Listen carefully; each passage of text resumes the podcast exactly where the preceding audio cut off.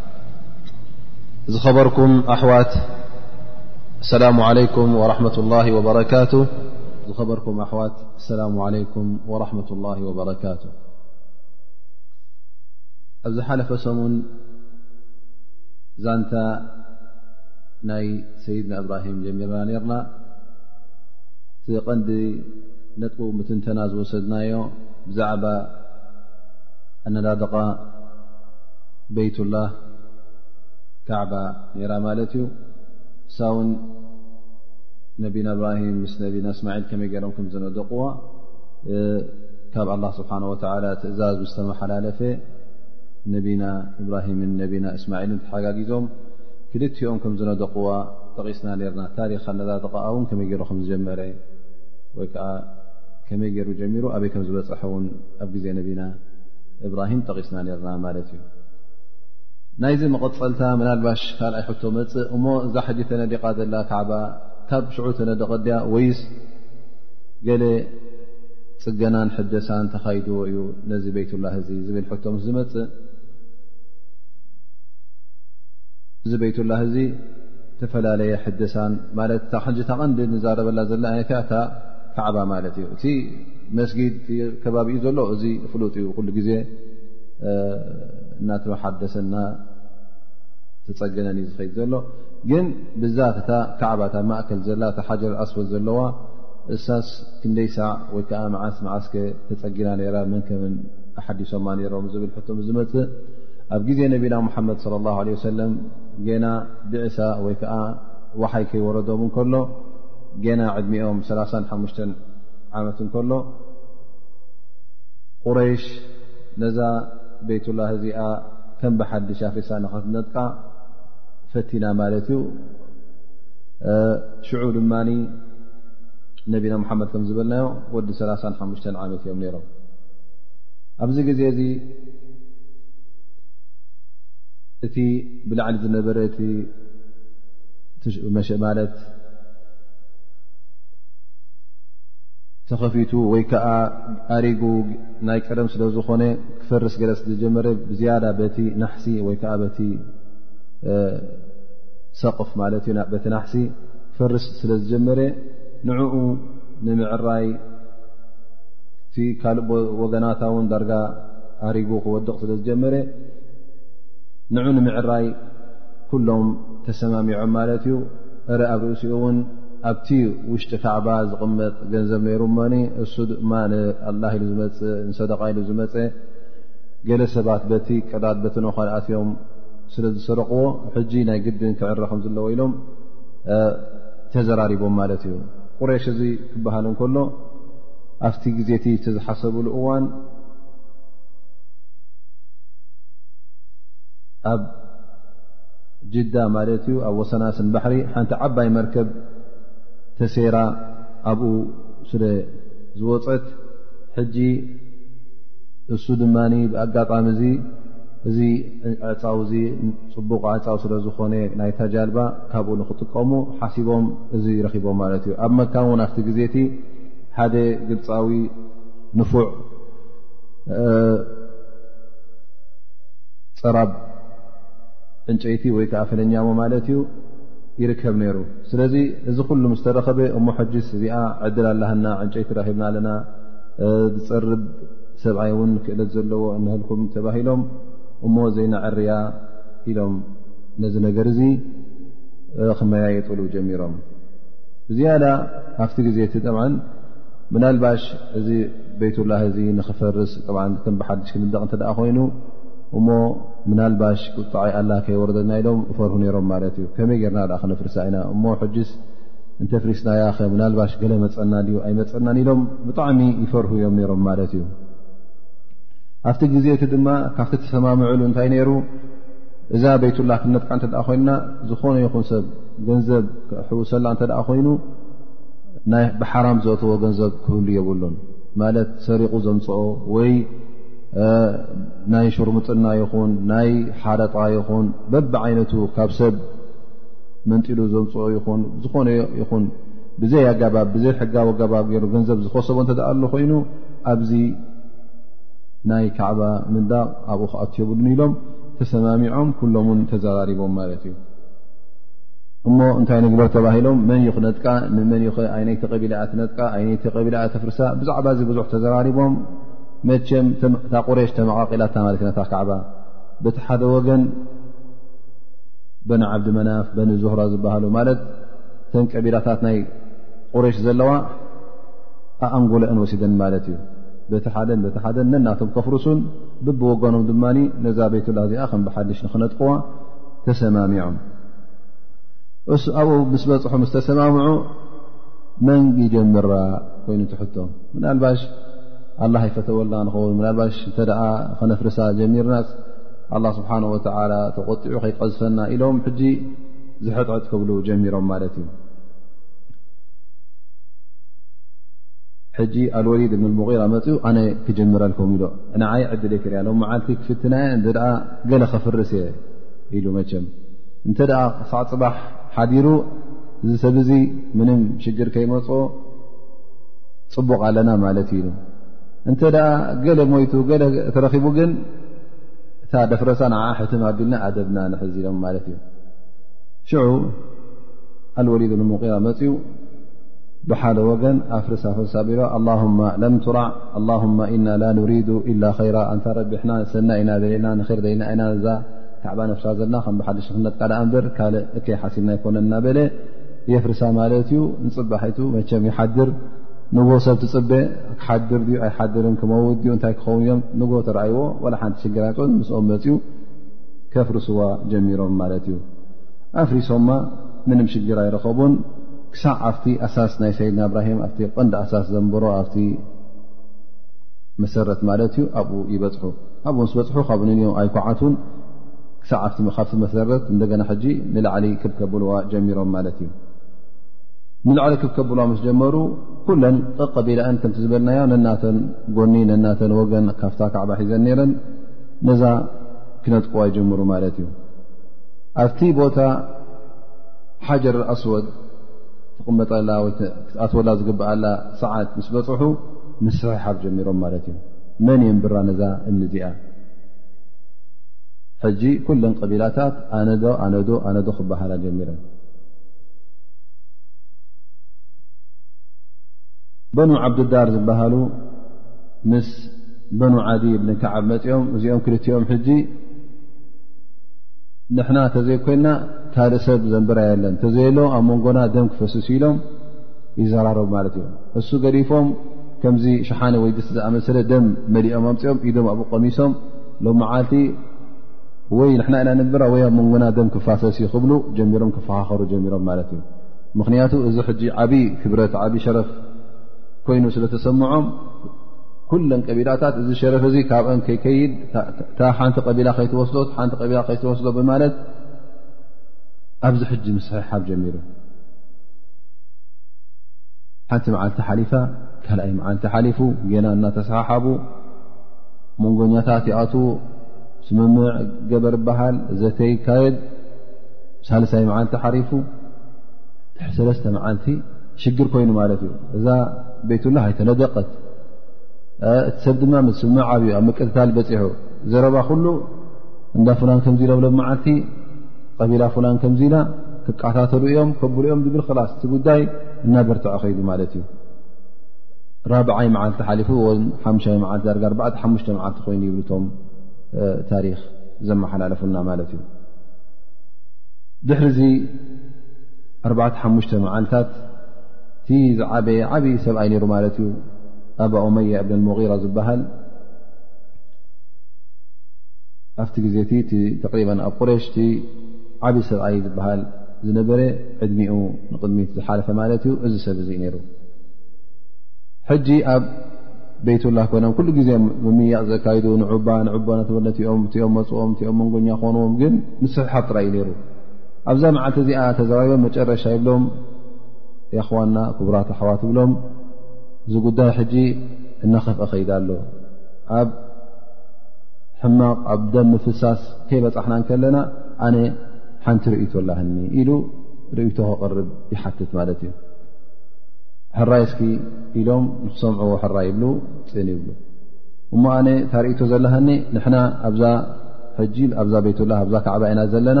ኣነታ ዝብላ እቲ መጀመርያ በዛ ኣፍ ደገ እዚኣ ዝመፀና ሕጂ መን ከም ዝመፀና ይንፈልጥን ኢና ኢሎም ሕጂ ግን ባዕሉ ረቢ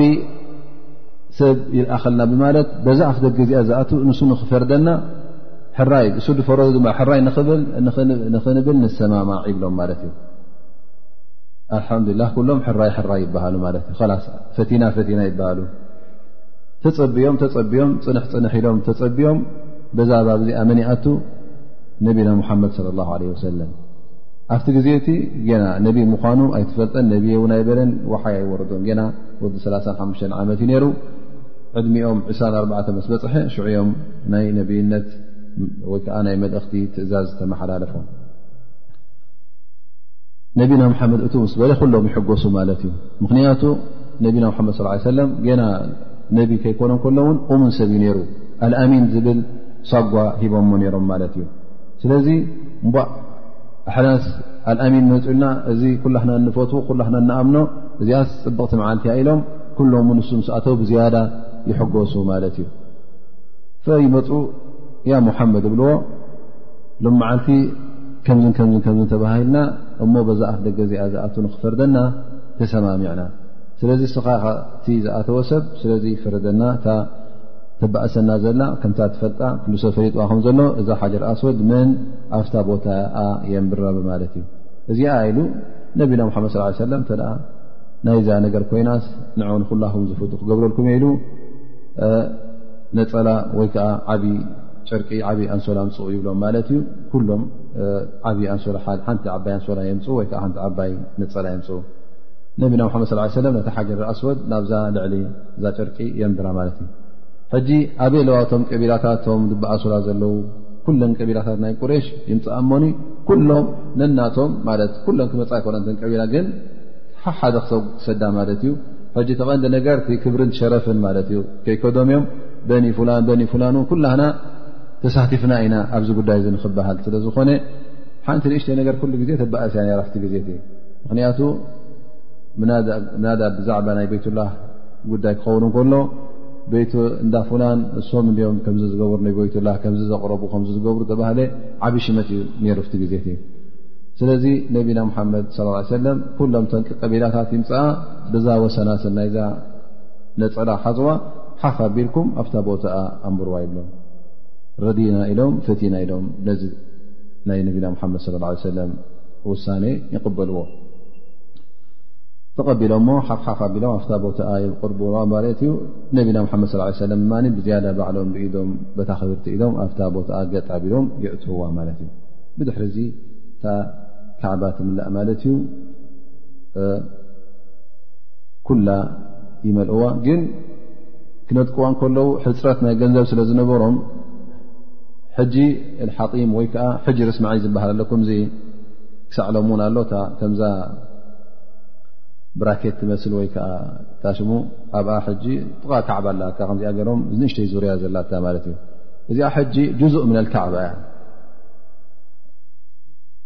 ከምቲ ግብኡ ኣብ ውሽጢ ካዕባ እያ ክትኣቱ ነይርዋ ግን ሕፅረት ናይ ገንዘብ ስለ ዝነበሮም ሕፅረት ናይ ክእለት ስለ ዝነበሮም ነዚኣ ከየእተዋ ተሪፎም ማለት እዩ እዚ ኣብ ግዜ ቁሬሽ ተገብረ ማለት እዩ ገና ነቢና ሓመድ ስ ሰለም ከይተላኣክሮ ዕድሚኦም 35 ከሎ ብድሕሪ እዚ እውን ከም ብሓድሽ ካልኣይ ግዜ ተነዲቃ ነይራ እዚ ድማ መዓስ ነይሩ ኣብ መበል ዳርጋ ሶስተ ዓመት ናይ ሂጅራ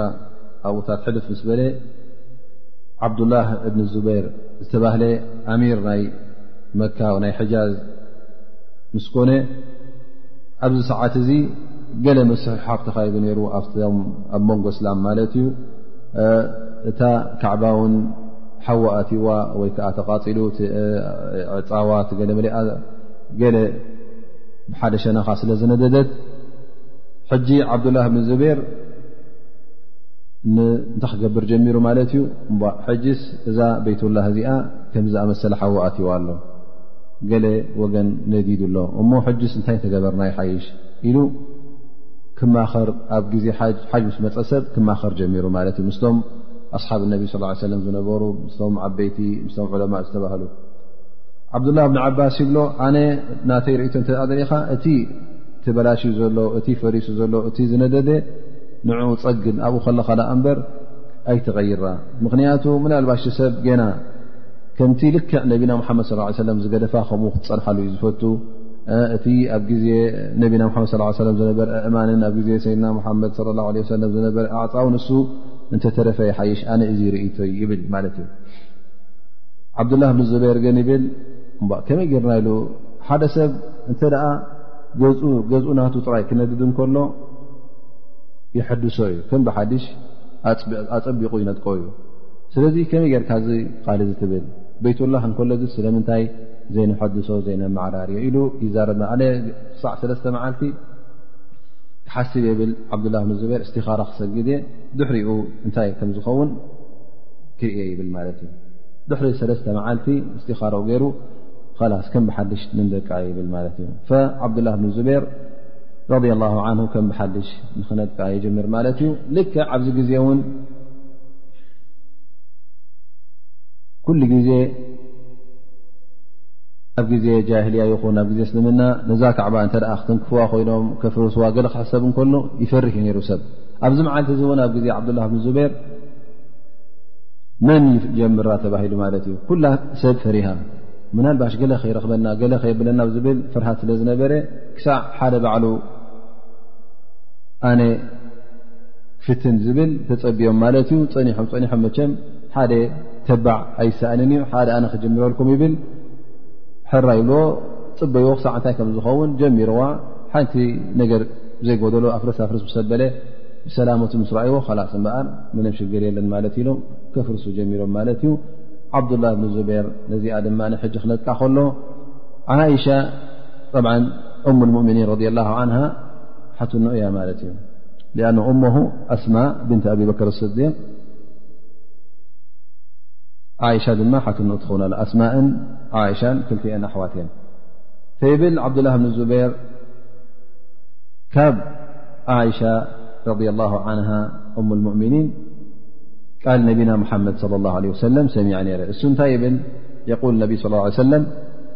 لولا أن الناس حديث عهدهم بكفر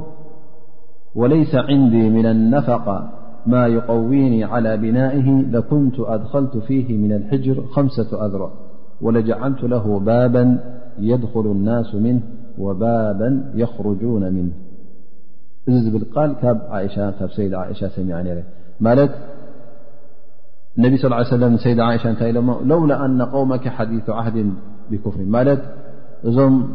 ህዝቢኺ እዞም ኣህልኺ እዞም ቁሬሽ ማለት እዩ ጌና ኣብ እስልምና ሓደሽቲ እዮም ዘለዉ ኣብ ሽርክ ኣብ ክሕደት እዮም ነይሮም ሕጂ ምናልባሽ ነዛ ካዕባ ነፍርሳ ከም ሓደሽ ንደቃ ተበልና ከይኣብዩን ምናልባሽ ኣብ መንጎኦም ፊትና ንኸይርከብን እዚ እንተዘይከውን ነይሩ ከምኡ እውን ኣብዚ ግዜ ሕጂ ሕፅረት ናይ ገንዘብ ኣለኒ እውን ኢሎም ነቢና መሓመድ ለ ላ ሰለም እንተዘይከውን ነዛ ካዕባ እዚኣ ከም ብሓድሽ ኣፍሪሰ መነደቕክዋ ነይረ ልክዕ ከምቲ ና ነብላ እብራሂም ዝገደፋ እቲ ሕጅር ዝበሃል ሕጅ እስማዒል ዝበሃል ንዕኡ ኣእትየ ኣብ ክንዲ ሓደ ባብ ድማ ክልተ ባብ ምገበርኩላ ነይረ ባቡን የድኹሉ ናሱ ምን ወባቡን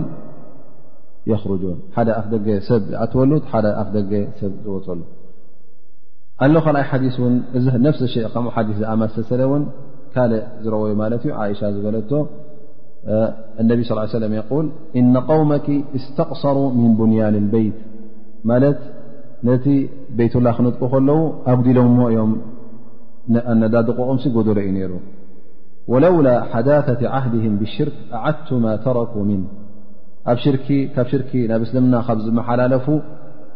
ገና ሓፂር ግዜ እዩ ዘሎ ዳኣ እምበር ኣነስ እቲ ኣጉዲሎሞ ዘለዉ ንዕኡ መላእክዎ ነረ ኢሎም ነቢና ሙሓመድ ለ ላ ለ ወሰለም ብዝሕኡ እንታይ የብልዋ ፈእን በዳ ሊቀውም ምን ባዕዲ ኣን የብኑ ፈሃሉሚ ሊውርያኪ ማ ተረኩ ምን ምናልባሽ ኣነ ምስ መትኩ ብድሕረይ ክነጥቅዎ እንተ ሓሲቦም ንዒ ከርእኪ እቲ ተሪፉ ዘሎ ትገዲፎሞ ዘለዉ ዘይነደቕዎ ኢሉ ነቢና ሙሓመድ ለ ላ ለ ሰለም ንዓእሻ የርእዋ ማለት እዩ ሽዑ ዳርጋ ሸውዓተ ዲራዕ ወይ ከዓ ሸውዓተ እመት ዝኸውን የርእዋ ንሰይድ እሻ ማለት እዩ ኣብ ርእሲኡ ድማ እንታይ ይብሉ ወለጃዓልቱ ለ ባበይኒ መውضዓይኒ ፊ ልኣርض ከምኡ ውን ክልተ ባብ ታሕቲ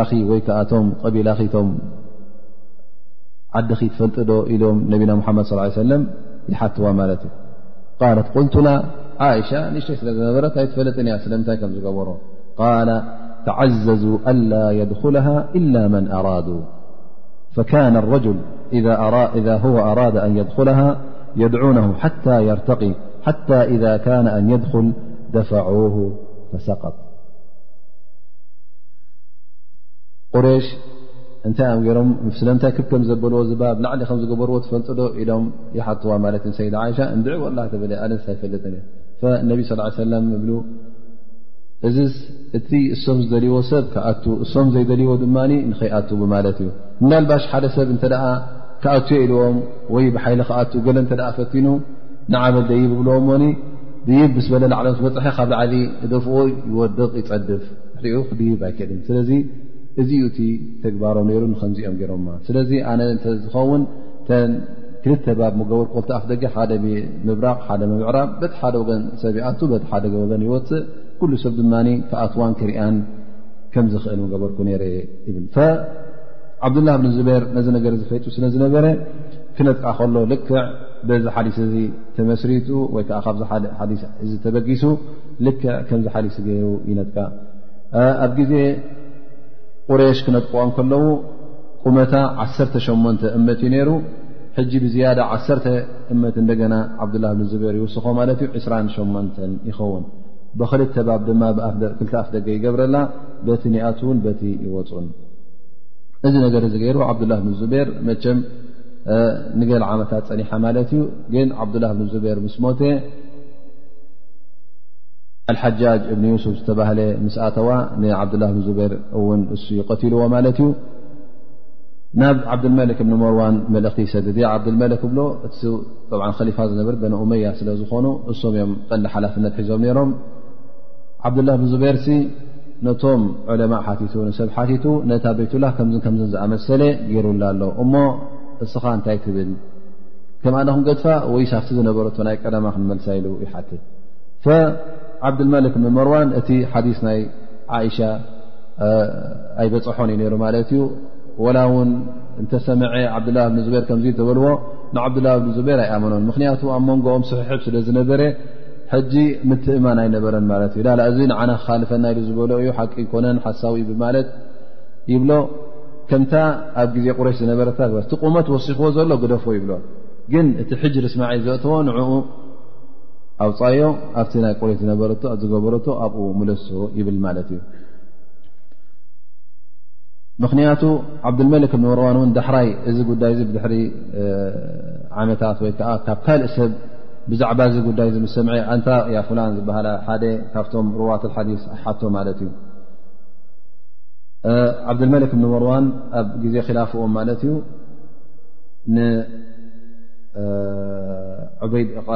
ሓርፍ እብኒ ዓብድላ ዝተባህለ ን ይሓቶ ሓርፍ ብሎ ሃል ዓብድላ ንዙበር ብሓቂ ካብ እሻ ከምዝ ከም ዝኣመሰለ ሰሚዑ ዩ ወይስ ንዓና ክካልፍ ወይ ከዓ ስለምንታይ እዩ ገይርዎ ኣነስ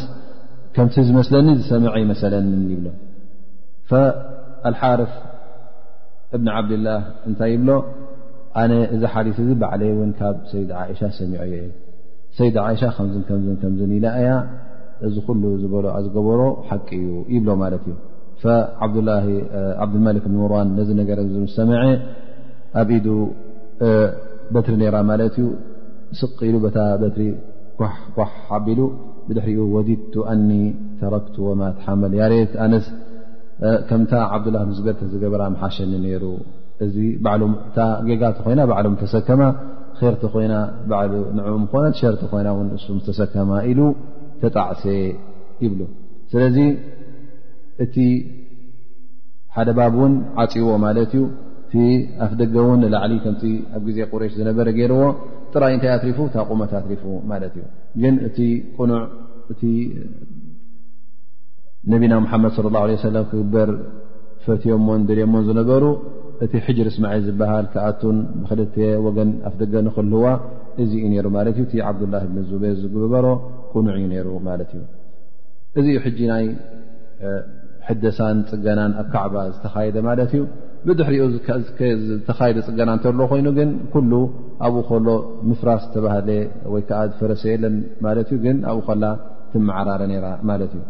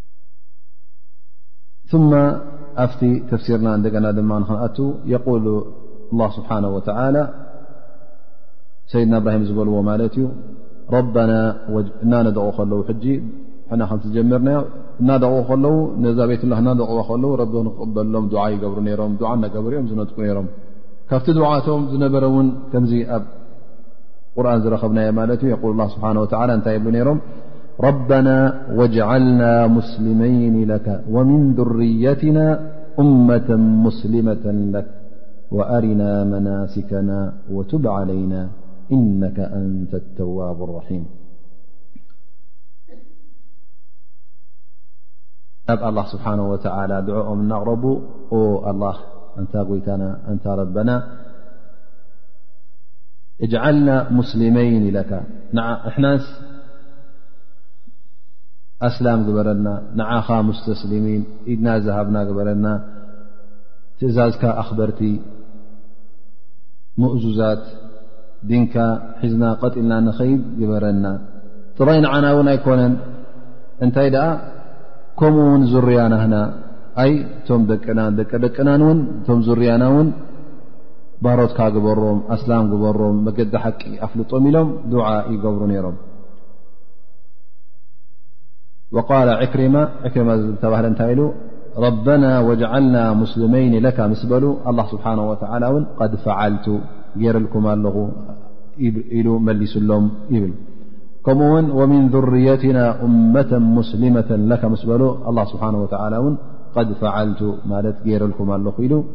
ኣላ ስብሓን ወተላ መሊሱሎም እዩ እዚ ድዓ እዚ ድማ ኩሉ ግዜ ኩላህና ክንርስዖ ዘይብልና እዩ ምኽንያቱ እቶም ሳልሒን እቶም ሰብ ር ኩሉ ግዜ ድዓ ክገብር እንከሎ ጥራይ ነብሱ ይኮነን እንታይ ደኣ ንወለድኡ ንስድርኡ ንስድራ ቤቱ ክገብር ኣለዎ ኣላ ስብሓን ወተላ ኣብ ካልእ ኣያታት እንተ ርእና እቶም ኣህል ር እቶም ሳልሒን እቶም መገዲ ረቢ ዝፈትዉ እንታይ ይብሉ ወለذ የقሉና ረበና ሃብለና ምን ኣዝዋጅና ወዙርያትና ቁረተ ኣዕዩን ወጅዓልና ልልሙተቂና ኢማማ ኩሉ ግዜ ድዓ ክትገብር ከለኻስ ጥራይ ነብስኻ ኣይኮነን እንታይ ደኣ ንዙርያኻ እውን ድዓ ክትገብር ኣለካ ምኽንያቱ እስኻ ድዓ እተ ገርካ ኣሎም ር ተመሓላልፈሎም ኣለኻ ማለት እዩ ንኦም ር እተ መሓላልፍካ ኣሎም ድማ ፅባሕ ንግ እስኻ ካብቲ ርናቶም ኣይክትስእንን ኢኻ ስለዚ ብብዝሒ ነብላ እብራሂም ኣብ ብዙሕ ኣያታት ኣብዚኣ ጥራይ ዘይኮነ ውን ኣብ ብዙሕ ኣያታት ዙርያ ናቶም ር ንኸጓንፎም ሰናይ ንኸጓንፎም ዱዓ ይገብሩ ነይሮም ማለት እዩ እዛ ዝሓለፈት ኣያ እውን ኣላ ስብሓን ወተላ እኒ ጃዒሉካ ልናስ ኢማመ ምስ በሎም ማለት ኢማም መራሒ ክገብረካ ቁድዋ ክገብረካ ወሲነ ኣለኹ ምስ በለ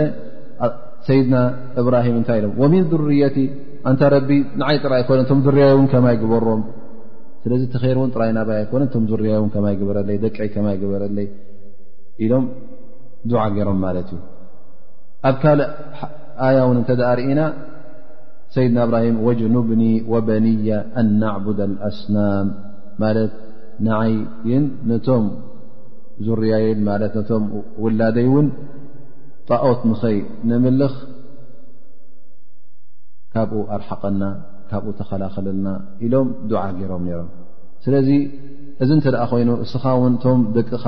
ር ንኽረኽቡ መገዲ ር ንኽሕዙ እተ ዱዓ ትገብር ኣለኻ ኮይንካ ፅባሕ ንግሆ ንዓኻ ጠቓሚ እዩ ከመይ ኢሉ እንተ ኢልካ ኣነቢይ ስለ ላሁ ለ ወሰለም እንታይ ይብሉ ኢዛ ማተ ብኑ ኣደም እንቀጣ ዓመልሁ ኢላ ምን ተላት ሰደቀት ጃርያ ኣው ዕልሙ የንተፋዑ ብሂ ኣው ወለድ ሳልሕ የድዑላ ወዲ ሰብ እንተ ደኣ መይቱ ካብዛ ኣዱንያ እቲ ሰናይ ግብሪ ዝበሃል እቲ ኣጅሪ ሕጂ ኣብ ሂወትካ ተእትዎ ዘለኻ ኣጅሪ ትረኽቦ ዘለኻ ኣጅሪ ኩሉ ደው ክብል እዩ ኣጅሪ ዝበሃል የለን ምኽንያቱ ፅባሕ ንጎ ኣብ ቀብሪ ኮይንካ ትሰርሖ ነገር ስለ ዘየለ ዓመል ር ይኹን ክትገብር ኣይትኽእልን ኢኻ ክትፀውም ኣይትኽእል ክትሰግድ ኣይትኽእል ሰደቓ ክትህብ ኣይትኽእል ኩሉ ኣላ ስብሓን ወላ ዝኣዘዘካ ብ ቀብሪ ኮይንካ ምስ ሞትካ ትገብሮ ነገር የለን ስለዚ እንታይ እዩ ተሪፉ ዘሎ ሰለስተ ነገር ተሪፈናካ ኣለዋ ማለት እዩ እተን ወላ ሞትካ ከለኻ ኣጅሪ ክድልበለንን ኣጅሪ ክተእትወለንን እትኽእል እሰን እንታይ እየን ሰደቃ ጃርያ ማለት ቀፃሊ ዝኾነ ሰደቃ እንተ ጌርካ ንኣብነት ዒላ ክዒትካ ካብዚ ዒላ እዚ ማይ ንክሰት እዩ ሰብ ሊላ ሂልካ እተ ገዲፍካዮ ገዛ ነዲቕካ ንመስኪን ሂብካያ ክሳዕ እዛ ገዛ ትፈርስ ኣላ ስብሓን ወተላ እቲ መስኪን ክሳዕ ዝጥቀመካ ክጠቐመላ ንመሳኪን ኢልካ ገዲፍካዮ ዘለኻ መሳኪን ክጥቀሙላ ከለዉ ኣጅሪ ግራት ንመሳኪን ዝገደፍካዮ እተ ኣሎ ኮይኑ መስጊድ ዝነደቕካዮ እተ ኣሎ ኮይኑ ዝኾነ ይኹን ኮታ ሰናይ ተግባር ብድሕሬኻ ዘይደርስ ከም መንደቕ ዝኣመሰለ ከም ሓፂን ዝኣመሰለ ከም ዕንጨይቲ ዝኣመሰለ ከም ዝታ መሬት ዝኣመሰለ ከም ዝኣመሰለ እተ ነዊሕ ዓመታት ፅንሕ እተ ኮይኑ እዚ ሕጂ እንታይ ይበሃል ሰደቃ ጃር እየ እዚ እንተ ገዲፍካ ኣላ ስብሓን ወተላ እቲ ኣጅርኻ ቐፃሊ እዩ ወላ ሞትካ ከለኻ ምኽንያቱ እቲ ሰናይካ ክሳዕ ሕጂ ይቕፅል ስለ ዘሎ ኣጅሪ ትረክብ ማለት እዩ ኣው ዕልሚ ይንተፋዑ ብ ልክ ወይ ከዓ ዕልሚ ክትገድፍ ከለካ ሓደ ሰብ ዓለም ኮይኑ ረቢ ዕልሚ ሂብዎ እንተ ንሰብ ኣምሂሩ ንሰብ ዓሊሙ ነቶም ዘናቁር ዝነበሩ ዲኖም ዘይፈልጡ ዝነበሩ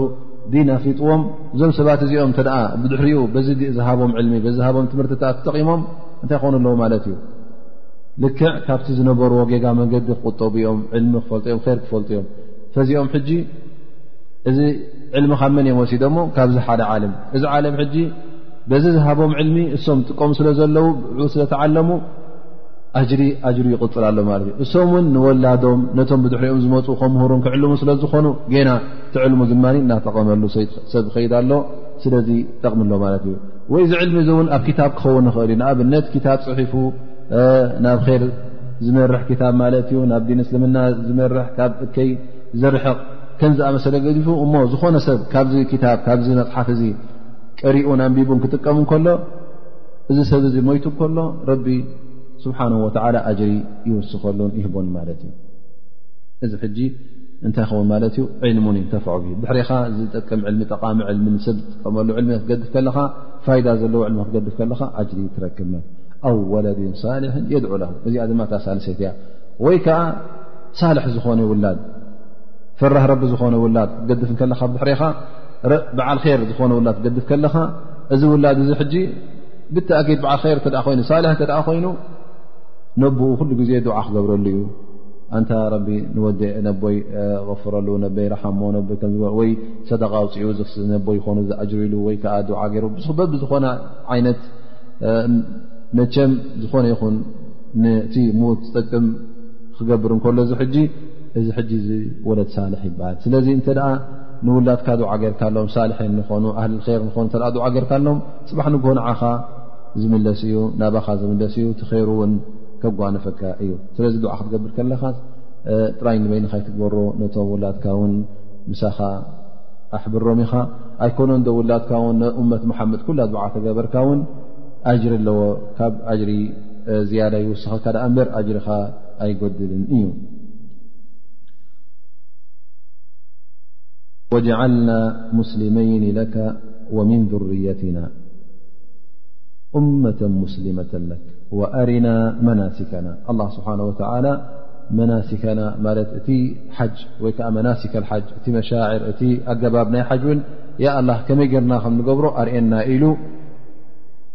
ዱዓ ይገብር ይሓትት እሞ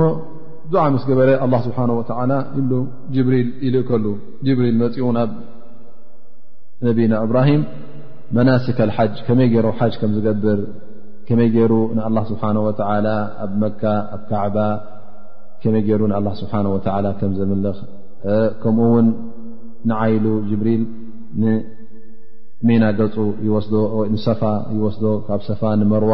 ኣብዚ ሰፋ ወመርዋ ውን ከመይ ገይሩ ሰዓይ ከም ዝገብር የርእዮ ማለት እዩ ካብኡ ውን ንሚና ገፁ ይወስዶ ማለት እዩ ሚና እናኸደ ከሎ ውን ኣብ መንገዲ ኣብቲ ዓቐብ ናይ ዓቐባ ትበሃል ኣብኡ ምስ በፅሐ ሸይጣን ይረኣዮም ማለት እዩ ነዚ ሸይጣን ምስ ተረኣየ ንጅብሪል ንሰይድና እብራሂም ነዚ ሰይጣን እዚ ሸውዓተ እማን ጌርካ ህሮሞ ይብሎ ተክቢር እናገበርካ ኣላሁ ኣክበር እናበለ ይሃርሞ ይኸይድ ማለት እዩ ካብኡ ንቅድሚት ውን እንደገና እቲ ሸይጣን ይፀንሖም ማለት እዩ እንደገና ጅብሪል ንሰይድና እብራሂም ብእምኒ ጌርካ ውቕዓዮ ይብሎ ብእምኒ ገይሩ ሸውዓተ እምኒ ሰይዱ እናከበረ ኣላ ኣክበር እናበለ ይሃርሞ ማለት እዩ እዚ እቲ ሕጂ ረሜል ጀመራ ዝተባህለ ከም መናሲካ ልሓጅ ኮይኑ ዘሎ ማለት እዩ ኣብዚ ቦታ እዚ እንታይ ይብሉ ዕለማ እዚ ሸይጣን እዚ እንታይ ይደሊ ነይሩ ኣብዚ ሰዓት እዚ ንሰይድና እብራሂም ንኸወስውስ ኣብቲ ኣገባብ ናይ ሓጅ ረቢ ዘይፈትዎ ረቢ ዘይደልዮ ገለገለ ተግባራት ንኸእቱ ንኸስሕትን እዩ ዝሓስብ ነይሩ ግን ብፈድሊ ላ ስብሓን ወተላ ሰይድና እብራሂም ስለ ዘሳጎግዎን ስለ ዘባረርዎን እቲ ኣገባብ ናይ ሓጅ ኩሉ ንፁህን ፅሩይን ኮይኑ ከምኡ ውን ካብኡ መሽዓር ሓራም ማለት ኣብ ሙዝደሊፋ ንሙዝደሊፋ ገፁ ሒዝዎ ምኸይድ ጅብሪል ንሰይድና እብራሂም ኣብኡ ውን ኣብ መሽዓር ሓራም ድዓ ክገብሩ ከም ዘለዎም ይነግሮም ካብኡ ውን ናበይ ይወስዶም ንዓረፋ ይወስዶም ዓረፋ ኣብፅሑ እውን ኣብኡ ውን መሽዓር ኣብኡ ውን ዱዓ ይግበር ከም ምኳኑ የርእዮም ማለት እዩ ካብቲ መናስክ ናይ ሓጅ ምኳኑ የርእዮም እዚ ሕጂ እቲ መናስክ ሓጅ ወኣሪና መናስከና ኢሎም ዱዓ ምስ ገበሮ እውን ኣላ ስብሓን ወተላ ጅብሪል ርኢኹ እቲ መናስክ ሓጅ ከመይ ክኸውን ከም ዘለዎ ትገባብናት ኩሉ የርእዮም ማለት እዩ ፈጅብሪል ኩሉ ምሰርኣዮም ዓረፍተ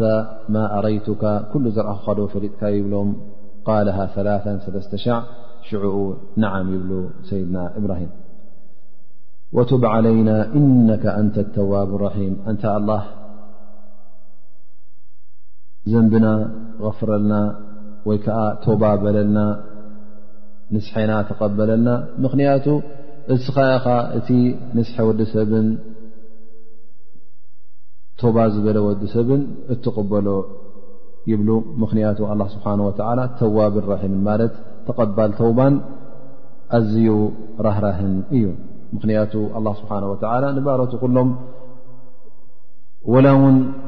እቲ ዝፍፅምዎ ዘለዉ ጌጋታት ክንዲ ቁፅሪ ዘይብሉ ከም ሓመድ ይኹን ዳኣ እምበር ኣላ ስብሓን ወተዓላ እንተ ቶባ ኢሎም ቶባ ይብለሎም እዩ ምኽንያቱ ራሒም ስለ ዝኾነ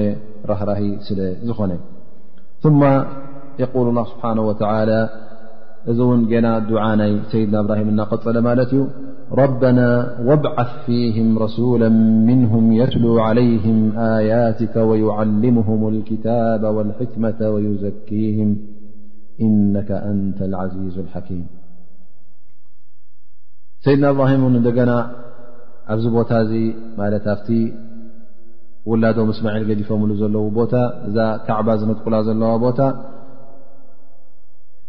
ቅድሚ ሕጂ ኼር ንኽመፃ ሰመራት ንኽወርዳ ማለት ፍርያት ይኹን በቢ ዓይነቱ ርዝቂ ንኽመፃ ዱዓ ገይሮምላ ነይሮም ሕጂ ድማ እንደገና እንታይ ይገብሩ ኣለዉ ዱዓ ማለት እዩ ወብዓስ ፊህም ረሱላ ምንሁም ካብኦም ውን ሓደ ልኡኽ ሓደ ነቢ ረሱል ልኣኸሎም ኢኻ እዚ ሕጂ ካብ ደቂ እስማዒል ማለት እዩ ረሱል ንክልኣኽ ዱዓ ይገብሩ ማለት እዩ የትሉ ዓለይህም ኣያትካ ወዩዓልሙሁም ልክታባ ወልሕክመት መጀመርያ ዱዓ ዝገበረ ማለት እዩ ወይ ከዓ ምንፃእ ናይ ነቢና ሙሓመድ መጀመርያ ምልክት ዝሃበ መን እዩ ማለት እዩ ኣብ ግዜ ሰይድና እብራሂም እተረኪቡ ማለት እዩ ዝምልክት እዙ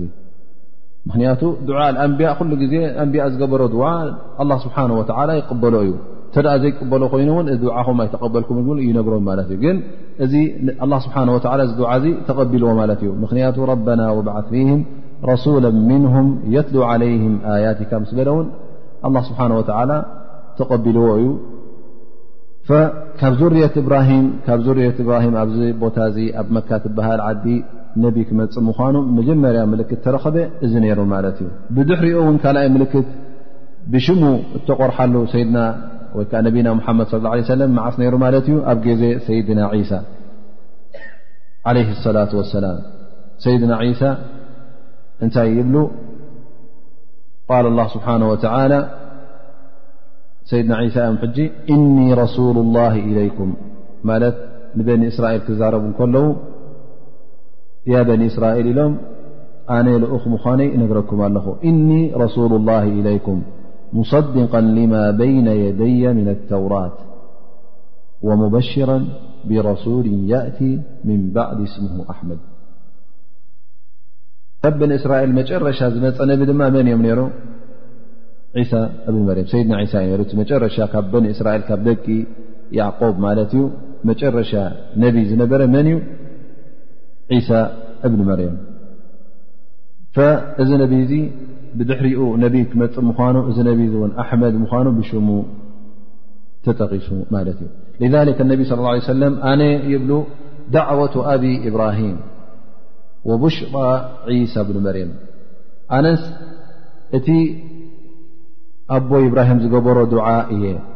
ከምኡ ውን እቲ ዒሳ ዘበሰረሉ ሰብ እየ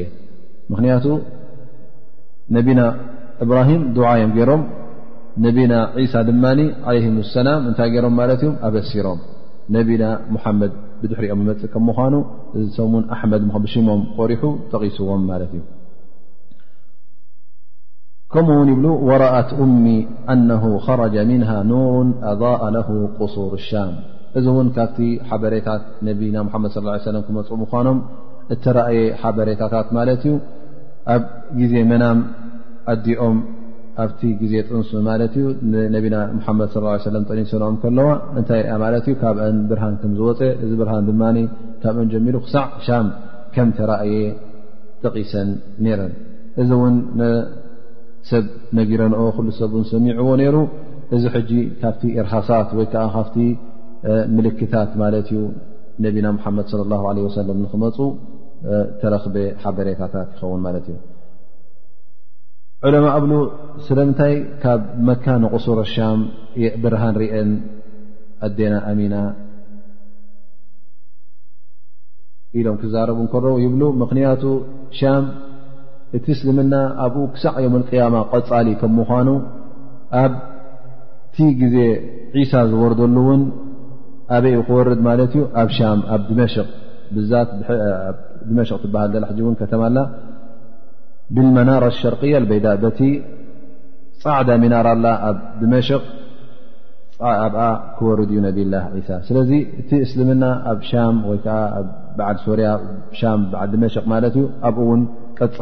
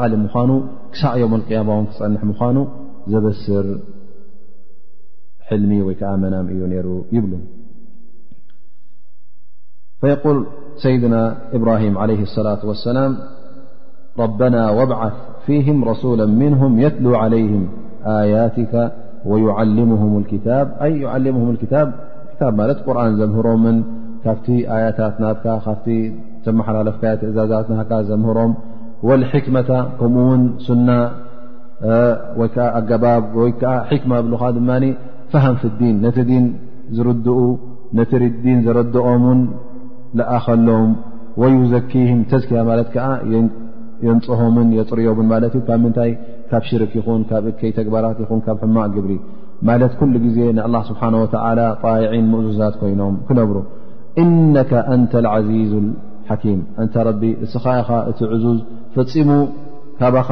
ዝልዕል የለን ካባኻ ዝዓዝዝ የለን ንስኻ ኢኻ ድማ ድላይካ ትፍፅምን ንዓኻ ውን ዘሰንፈካን ዘድክመካን የለን እስኻ ኢኻ እቲ ፍፁም ሓያል ይብል ማለት እዩ ኣንተ ዓዚዙ ኣልሓኪም ሓኪም ድማ ኣብ ተግባራትካ ይኹን ኣብ ቃልካ ኩሉ እትገብሮን እትብሎን ኣብ ቦቦቱ ኢኻ ተንብሮ ንንናቱ ኢኻ ትህቦ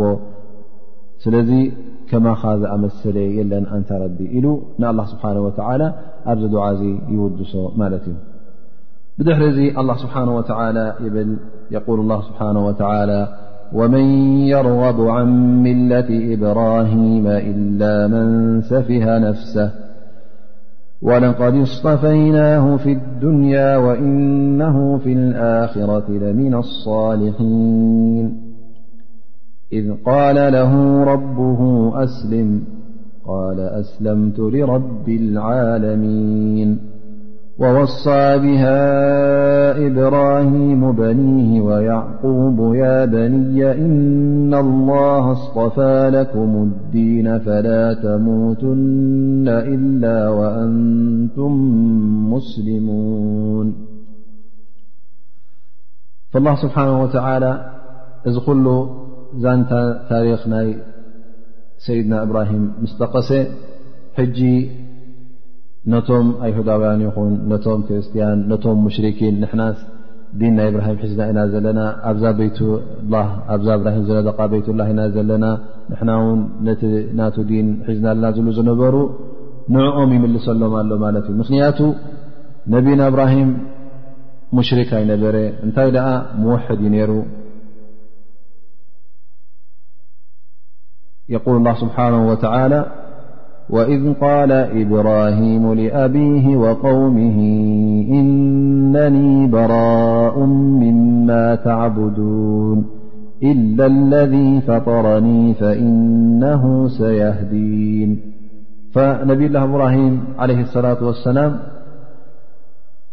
እቲ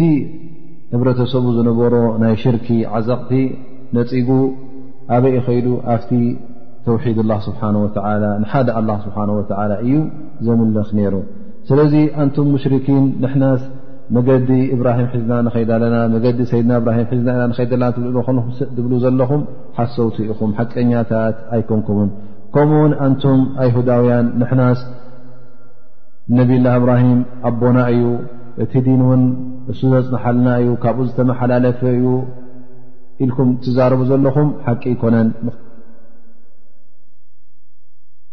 ወመን የርغቡ ዓን ምለት እብራሂማ ኢላ መን ሰፊሃ ነፍሰ የርغቡ ዓን ሕጂ ኣብ ቋንቋ ዓረብ ዛ የርغብ ሕጂ ትገማጠል እያ ምናልባሽ ንድሕር ዴተ ዝተባህል ኮይንካ ውን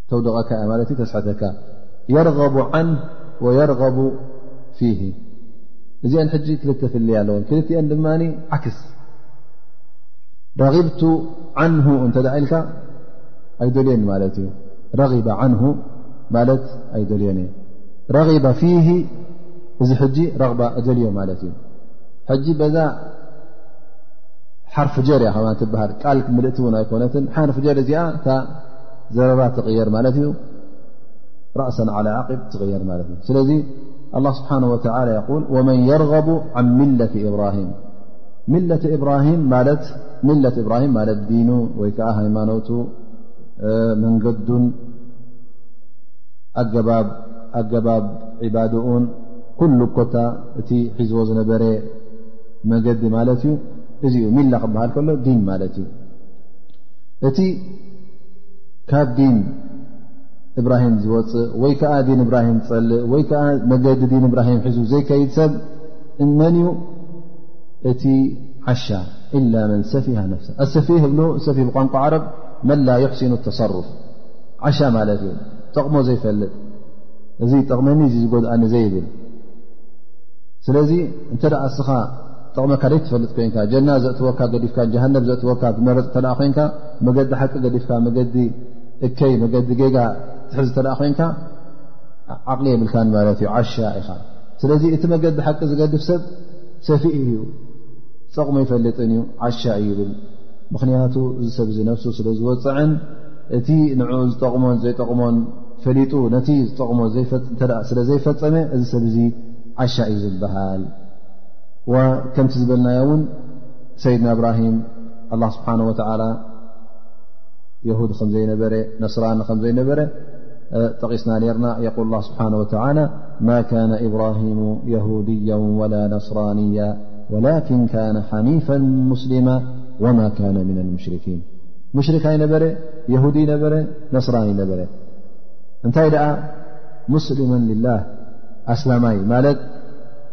ኩሉም ትኑ ላ ስብሓ ወ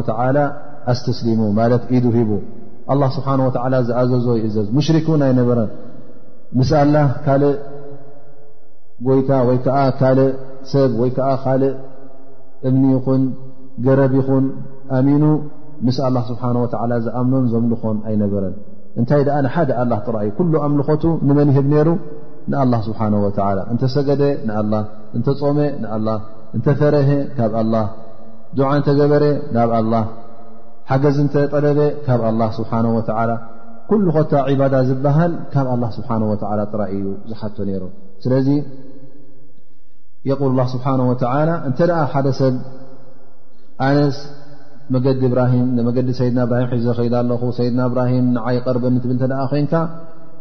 ልክዕ እትስሒዝዎ ዝነበረ መገዲ ክትሕዝ ኣለካ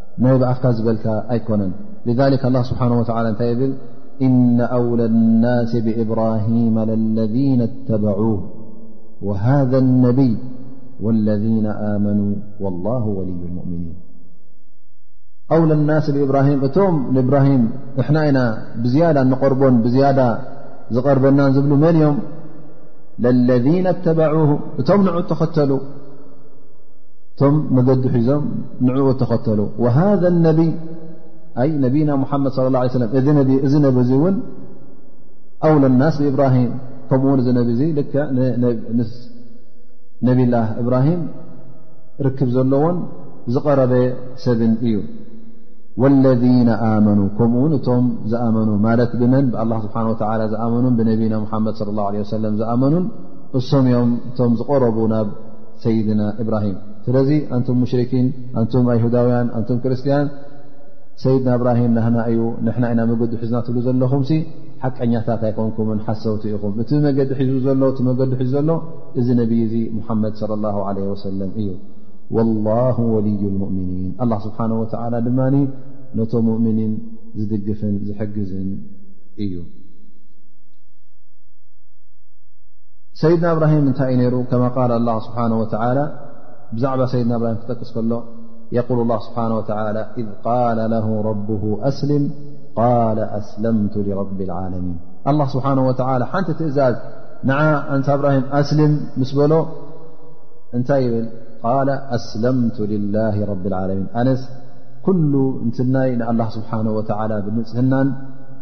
ብኩሉ ምእዘዛን ንኣላ ስብሓን ወተላ ኢደይ ሂበ እየ ከምኡ ውን ኣስተስሊመ እየ ኢሉ ስለዚ ሰይድና እብራሂም ሙስሊመን ዝበሃል በዚ ምኽንያት እዚ እዩ ምኽንያቱ ስለ ንኣላ ስብሓ ወላ ዘስተስለመ ኩሉ እንትንኡን ኣላ ስብሓ ወላ ስለ ዝሃበ ሙስሊም ይበሃል ብኣላ ስብሓ ወላ ውን ስለ ዝኣመነ ኩሉ ኣስላማይ ዘብኡ እውን ብኣላ ስብሓ ወላ ዝኣምን ብነቢና ሓመድ ለ ለ ሰለም ዝኣምን እውን መገዲ ነብላ እብራሂም ሒዙ ይኸይድ ኣሎ ማለት እዩ ምኽንያቱ እታ ዳዕዋ ናይ ሰይድና እብራሂም ናይ ኩሎም ኣንብያ ኮታ ሓንቲ ዳዕዋ እያ ነራ ፍልል የብላን እንታይ ደኣ ኩለን ናበን ኩሎም ናበም ዝፅውዑ ነይሮም ንዒባደት ላ ስብሓ ወ ንሓደ ኣ ስብሓ ወ ክንገዛእን ንሓደ ላ ስብሓ ወ ከነምልኽን እዩ ትቐንዲ ፃውዒቶም ስለ ዝነበረ ስለዚ እታ መገዲ ሓንቲ እያ እዚ ጥራይ ኣይኮነን እውን ነብላ እብራሂም ጥራይ ንዙርያይ ር ሃቦም ንዙርያይ ነቢ ስለ ዘሎም ንዙርያይ ንዓኻ ከም ዘምልኹን ኣስላም ከም ዝኾኑን ኢሉ ዱዓ ጥራይ ይገብር ኣይነበረን እንታይ ደኣ ኣብ ርእሲኡ እውን ኣብቲ ግዜ ሞቶም ለበዋ ኣመሓላሊፎም እዮም እዚ ለበዋ እዚ ናበይ ኣመሓላሊፎሞ ናብቶም ደቆም ማለት እዩ ذ የቁል ስብሓ ወተ ወወሳ ብሃ إبراهيم بنيه ويعقوب يا بنية إذ أسلمة لله رب العلمين ل ل و كلم م د نذ قل نبل ل الله سبحانه ول كسسلم لዎم وسي فم كم حذر فم كيم سيدنا إبراهم ين كم ون نب الله يعقب ووصى بها إبراهم بنه كم و وعوب ወያዕቁብ ኣይን ወሳ ብሃ በኒ ኣይ ከምኡ ውን ሰይድና ያዕቆብ ውን ንደቆም ውን በዛ ጉዳይ እዚኣ ወስዮሞም እዮም ነዛ ሚላ ወይ ከዓ ነዛ ዲን ነዛ እስልምና ሒዞም ቀፂሎም ንክኸዱ ውን ወስዮሞም እዮም ማለት እዩ ሕድሪ ገዲፎምሎም እዮም ስለዚ እዚ ወስያ እዚ እውን ካብ ነብላ እብራሂም ጀሚርካ ከምኡ ውን ብያዕቁብ ናብቶም ደቆም ኩሉ ተመሓላሊፉ እዩ እንታይ ኢሎም ያ በንያ እና ላሃ ኣስጠፋ ለኩም ዲና ፈላ ተሙትና ኢላ ወኣንቱም ሙስሊሙን ኢሎም ሕድሪ ገዲፎም ተላብዮም እዮም እዚ ከ እንታይ ማለት እዩ እና ላ ኣስጠፋ ለኩም ዲና እዚ ሒዝናዮ ዘለና ዲን ኣንቱም ደቀይ ኣንቱም ውላደይ ኣላ ስብሓን ወተዓላ ዝመረፀልና ዲን እዩ ባዕልና ዘንፃእና ኣይኮናን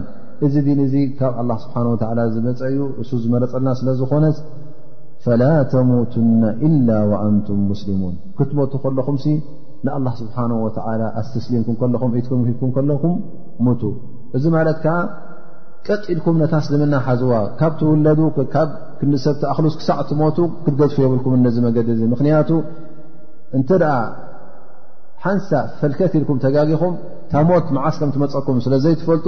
ምናልባሽ ኣብታ ትጋገየላ ሰዓት ኣብታ ትጋገየላ እዋን ታ ሞት ክትመፀካ ትኽእል እያ ስለዚ ኩሉ ግዜ ነዛ ሞት ድልው ክትከውን ስለ ዘለካ ካፍታ እስልምና ካፍታ ኣላ ስብሓን ወተዓላ ዝመረፀልኩም መንገዲ ካብኣ ርሕቕ ከይትብሉ ንዓ ድኣ ቐጥ ኣቢልኩም ሒዝኩም ክዱ ኢሎም ነብላ እብራሂም ይኹን ነብላ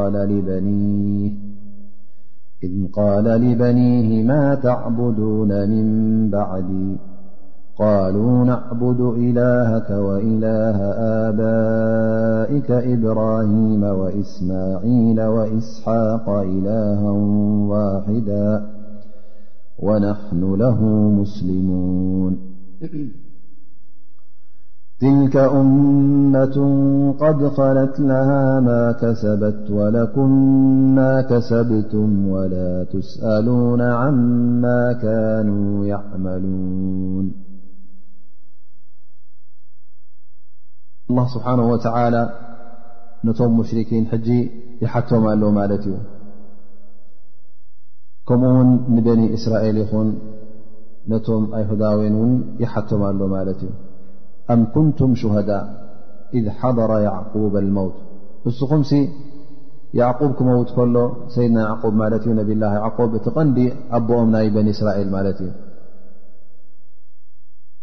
ክመውት ከሎ እንታይ ከም ዝበለ ርኢኹሞ ዲኹም ሸሃዳ ነርኩም ዲኹም ማለት ውዒልኩምሞ ዲኹም በዚ ነገር ከ ክትምስክሩዶ ትኽእሉ ኢኹም ላ ስብሓን ወተላ ሰይድና ያዕቁብ ክመውት ከሎ እንታይ ከም ዝገበረ ይጠቅስ ኣሎ ማለት እዩ ኣም ኩንቱም ሸሃዳ ምክንያቱ እስኹም ንሕና መገዲ ያዕቆብ መገዲ እብራሂም ተኸትልና ኢና ትብሉ ዘለኹም እሞ ያዕቆብ ዝበሎስ ትፈልጥዎ ዲኹም ኣይትፈልጡን እሱ ክመውት ከሎኸ ነርኩም ዶ ይነበርኩ ኣ መጨረሻ ቃል ዝበላስ ውዒልኩማ ዲኹም ሰሚዕኩማ ዲኹም ሸሆዳ ነርኩም መስኻኽር ነርኩም ዲኹም ክትምስክሩ ትኽእሉ ዲኹም ከምዝን ከምዝን ኢሉ እዩ መይቱ ክትብሉ ትኽእሉ ዲኹም ኢሉ ኣላ ስብሓን ወተዓላ ንበኒ እስራኤል ይኹን ነዞም ሙሽርኪን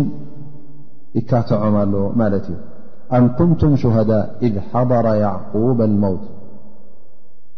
ንያዕቆብ ሞት ምስ መፀቶ ኣብታ ግዜ ቐርቐራ ማለት ኣብ ሞት ምስ ተቓረበ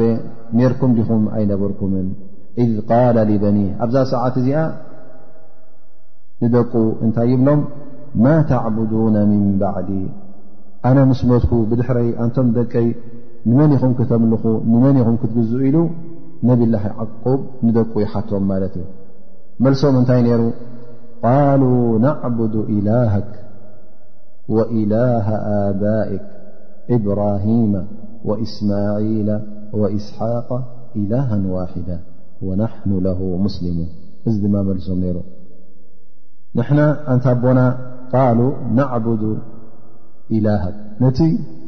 ጎይታኻ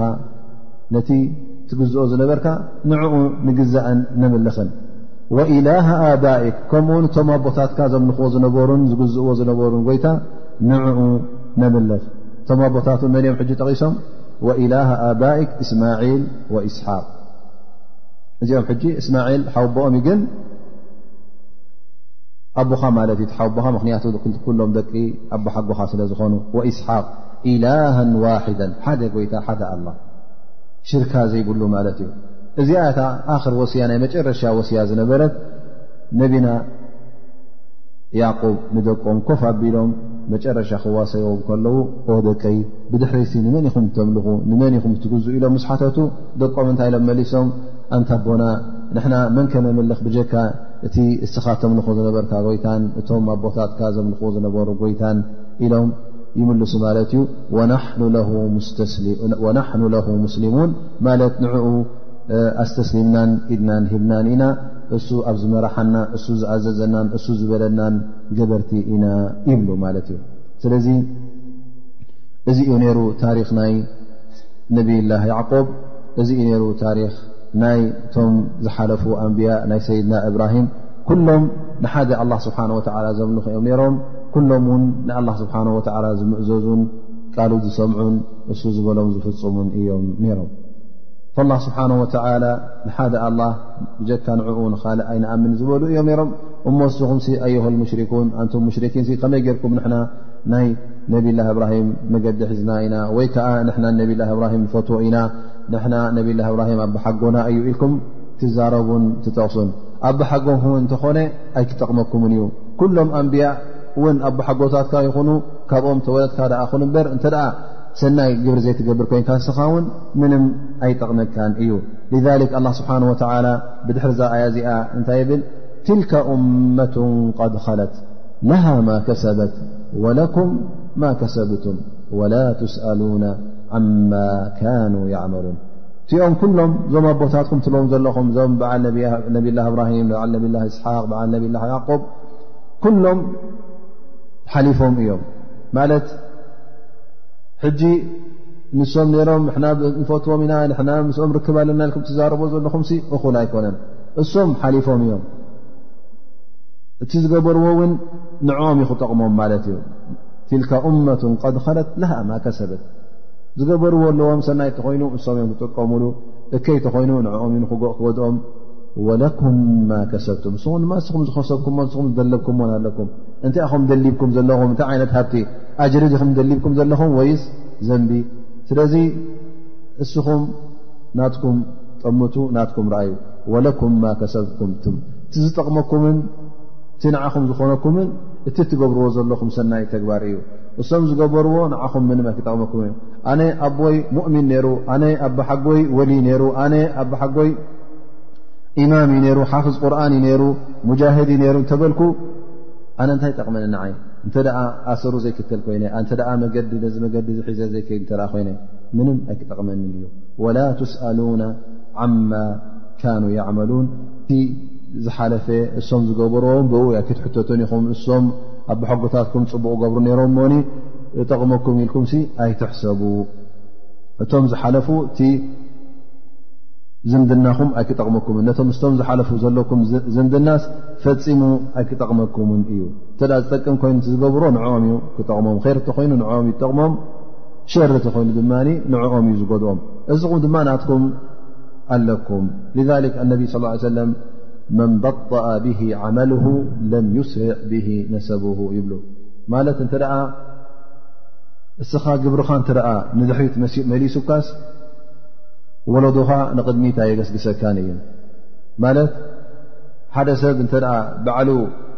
በዓል እከይ ገባር እከይ እንተ ደኣ ኮይኑ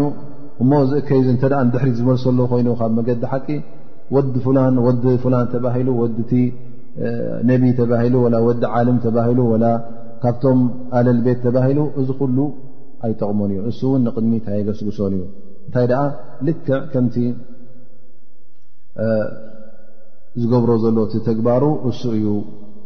እተ ተግባሩ ፅቡቕ ኮይኑ ንቕድሚት ክግስግስ እዩ እተ እከይ ኮይኑ ድማ ንድሕሪት ክምለስ እዩ ስለዚ እዚ ዩ እቲ ናይ ሎምመዓልቲ ደርስና እንሻ ላ ዝመፅ ዘሎ ሰሙን እታ ትመፅእ ዘላ ስፍሓ ወይ ከዓ ምናልባሽ ብዛዕባ ናይ ሓጅ ንጅምር ንኸውን ምክንያቱ ሎ መዓልቲ እታ ዝሓለፈ ሰሙን ጀሚርናያ ነበርና ብዛዕባ ናይ ሰይድና እብራሂም ቅሳ ወይ ከዓ ዛንታ ሰይድና እብራሂም ስለ ዝነበረት ንዓ ክንምልእ ኢልና ኢና እንሻ ላ ምናልባሽ ዝመፅ ዘሎ ሰሙን ኣብ ናይ ሓጅ ስለ ዝቐረበ ገለገለ ሰባት እውን ዝሕጅጁ ኣይሰኣኑን እዮም እቲ ዘይሕጅ ድማ ዕልሚ ይኾኖ ፍልጠት ይኾኖ ምናልባሽ እዚ ዕድል እዚ ለብዘበን ይረኽቦ ንዓመት ኣይርከብን ኣላ ኣለም እንታይ ከም ዝርከብ ስለዚ እንሻ ላ ካብ ዝመፅዘሎ ሰሙን ብዛዕባ ናይ ሓጅ ንጅምር ብሕሪኡ ድማ ኣብዚ ተፍሲርና ንምለስ እንሻ ላ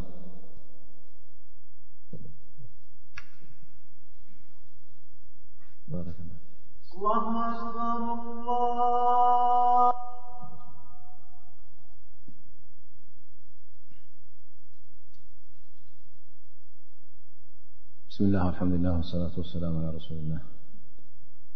በርከስ ከምቲ ኩሉ ግዜ እንገብሮ እቲ ዝረኸብናዮ ገለገለ ፋይዳታት እንተ ኣሎ ኮይኑ ወይ ከዓ እቲ ዝሓዝናዮ ፋይዳታት እንሻ ላ ብብሓደ ወይ ከዓ እቶም ክምልሱ ዝደልዩ ይሳተፉና ማለት እዩ ስለዚ ሎም መዓልቲ ዝሓዝናዮ ፈዋኢድ እንታይ ኣሎ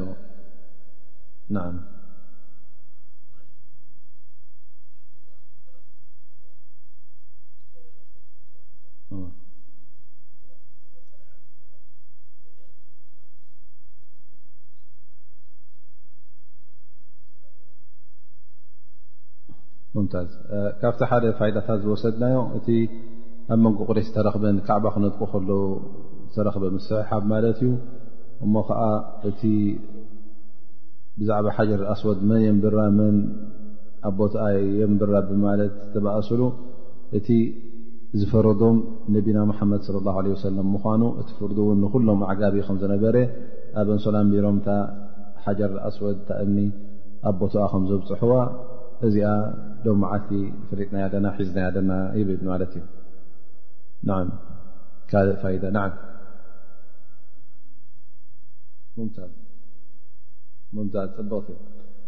ዱዓ ክትገብር ከለካ ኩሉ ግዜ ጥራይ ነብስኻ ኣይኮነ እንታይ ነቶም ስድራ ቤትካ ንኣህልኻ ዓ ክትገብር ኣለካ እዚ ድማ ካብቲ ሱና ናይቶም ኣንብያ ካብቲ ሱና ናይቶም ሳልሒን ስለ ዝኾነ ኩሉ ግዜ ነዚ ዱዓ እዚ ክትርስዕ የብልካ ዓ ክትገብር ከለኻ ንዓኻ ንኣህሊ ቤትካ ዓ ግበር እሱ እውን ጥራይ ቶም ኣህልኻ ኣይኮነን ተመሊሱ እንደገና ንዓኻ እዩ ዝጠቕመካ ዳሕራይ እውን ን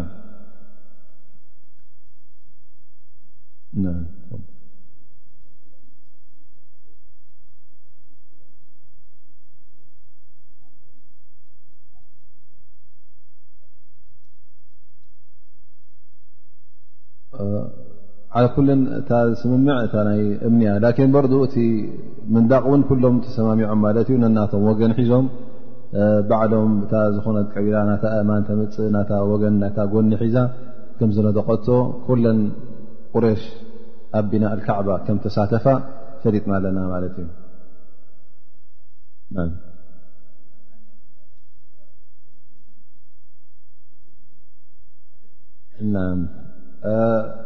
እታ ናይ መናስክ ሓጅ ኣገባብ ናይ ሓጅ ከርእዮም ከሎ ንነብላ እብራሂም ጅብሪል ለ ሰላም ኣብቲ ዓቀባ ኣብታ ናይ ቦታ ናይ ጀምራ ምስ በፅሐ ሸጣን ስለዝተረኣዮም ሸጣን ስለተጓነፎም ጅብሪል እውን ንነብና እብራሂም ሸ እም ርካ ወይ እ ርካ ተክቢር ናገበርካ ህሮሞ ስለ ዝበሎ ኣላ ስብሓን ወተላ እብራሂም ለ ሰላም ሃሪሞሞ ማለት እዩ ሸጣን ካብኣ በሪሩ ከይዱ ማለት እዩ እታ ሱና ፀንሓትና ሕጂ ካብኣ ማለት እዩ ብዛዕባ ናይ ሓ ግን ሕጂ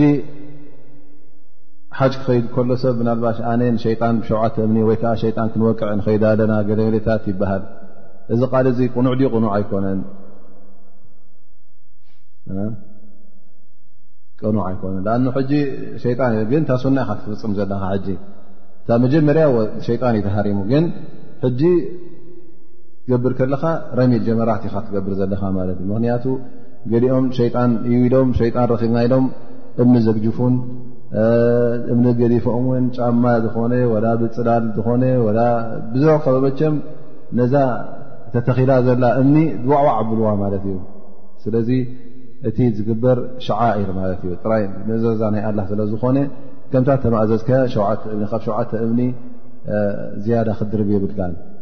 እበር ሸይጣን ናይ ብሓቂ ተትኸውን ወላ ጥይት ገይሩ ሰብ ምሃረሞ ነሩ መቐትሎ ነይሩ ኣ ፀላኢኻ ስለ ዝኾነ ዓዱ ወቅ ስለ ዝኾነ ግን እታ ተኣዘዝካያ ብሸውዓተ እምኒ ተን እምኒ እውን ንኣሽቶ እምኒ ክኾና ከም ዘለዎን እዚ ሕጂ ከም ሸዒራ ማለት እዩ ኣ እበር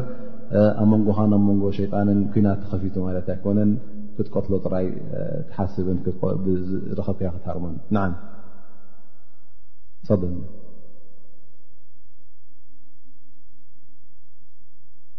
ሙምታዝ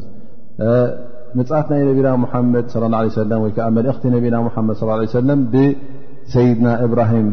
ከም ተጠቕሰን ኣብቲ ዱዓናቶም ከም ተዘከረን ከምኡ ውን ሰይድና ዒሳ ዓለይም ሰላም ከም ዘበሰሩሎምን ሎ መዓልቲ ፈሪጥና ኣለና ማለት እዩ ሓደ ካብቲ ፋኢዳታት ማለት እዩ ን መና ዶ ካልእ ዘይተሳተፈና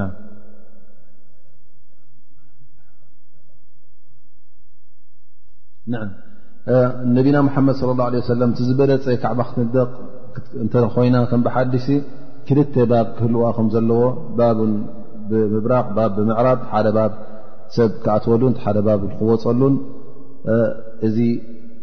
ተዛሪቦም ነይሮም እዚ እውን እቲ ዝሓሸ እዩ ማለት እዩ ምክንያቱ እቲ ነቢና ሓመድ ስ ሰለም ንክገብርዎ ደስ ኢልዎም ዝነበረ ስለ ዝኾነ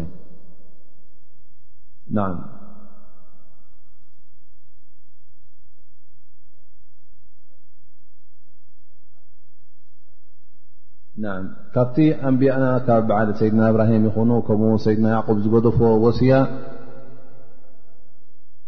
ወይ ከዓ ሕድሪ ኣኖም እቶም ውላዶም ኩሎም እቶም ደቆም ንኣላ ስብሓን ወላ ጥራይ ንከምልኹ ተውሒድ ንክገብሩ ካብ ሽርክ ንክረሕቁ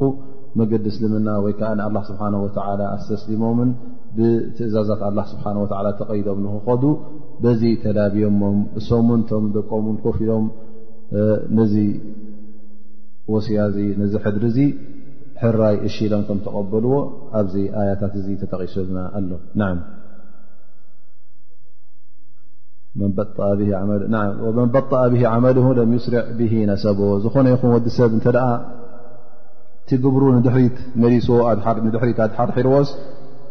ወለዶኡ ኣይጠቕሞን እዩ ወዲ ኣይተ ፍላን ወዲ ኣይተ ክስቶ ተባሂሉ ኣይጠቕሞን እዩ ኣቦኡ መራሒ ሃገር ይኹን ወላ ውን መራሒ ሃይማኖት ይኹን ወላ ውን ሃፍታም ይኹን ወላ ውን ዝኾነ ይኹን ዓይነት ሽመት ይሃለዎ እዚ ኩሉ ኣይጠቕሞን እዮ ምናልባሽ ኣብ ኣድንኦ ጠቅም እተ ኮይኑእውን ኣብ ኣራ ኣይክጠቕሞን እዩ ስለዚ እታ ቀንዲ ነገር እስኻ እንታይ ጌይርካ እንታይ ከ ኣይገበርካን ስለዚ ወዲ መን ኢኻ ኣይጠቕመካን እያ እንታይ ደኣ ትግብርኻን ተዓመልካን እሱ እዩ ዝጠቕመካ ንዓ ክ እብራሂም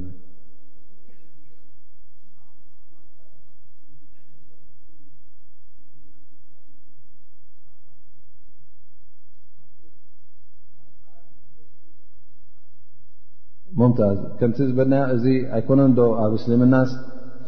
ኣብቲ ግዜ ሙሽርኪን ዝነበርሉ እዋን ማለት እዩ ኣብ ግዜ ሙሽርኪን ነዛ ካዕባ ክነጥቅዋ ከሎ እቶም ሙሽርኪን ካብ መገዲ እቲ ቀንዲ ነገር ገዲፎም እከለዉ እቲ መገዲ ሓቂ ተውሒድ ገዲፎም ከለዉ ነዛ ካዕባ ክነጥቅዋ ከለዉ እንታይ እዮም ገይሮም ገንዘብ ሓራም ንኸይእትውላ ተመባፂዖም ማለት እዩ ስለዚ እዚ ካብ ኮነስ ንሕና ውን ሕጂ ኣስላማይ ተባሂልካ ዝተኣ ናይ ኬር ነገር ትገብር እተ ኮንካ ኻ መስጊድ ትነድቕ ዝኾነ ይኹን መሳኪን ክትህብ እተ ኮንካ ወይ እውን ወቕፍ ጌርካ ከምዝበልና ዒላ ክትክዑ እተ ኮንካ ካብ ምንታይ ክኸውን ኣለዎ ካብ ሓላል ዝመፀ ገንዘብ ክኸውን ኣለዎ ካብ ሓራም ዝመፀ እተ ኮይኑ ር የብሉን ማለት እዩ ፋይዳ የብሉን ኣጅሪ የብሉን እንታይ ርክ ካልእ ላ ወዲእና እንታይ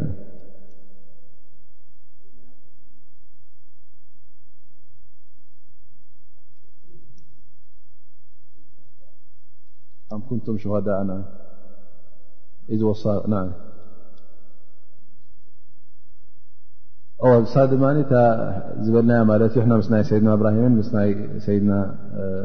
ያዕቆብን ብሓንሳእትናዮም ግን ከምኡ ውን እታ ሓንቲ ኣያ ውን ሰይድና ያዕቆብ ደቆም ኣኪቦም ንደቆም ንመን ኢኹም ተምልኹ ብድሕሪ ኢሎም ሓቲቶሞም ወስያ ክብዎም ከለዉ ሶም ድማ ንሕና ነቲ ንስኻ ትምዘው ተምልኾ ዝነበርካ ኣላ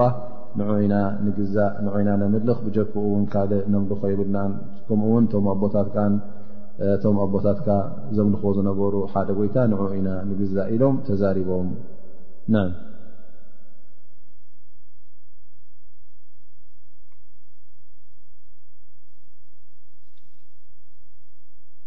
ርጋ ተወዲ ማለ እዩ نسأل الله سبحانه وتعالى أن ينفعنا بما سمعنا وأن يعلمنا ما ينفعنا وآخر دعوانا عن الحمد لله رب العالمين وصلى الله على نبينا محمد وعلى آله وصحبه وسلم -أجمعين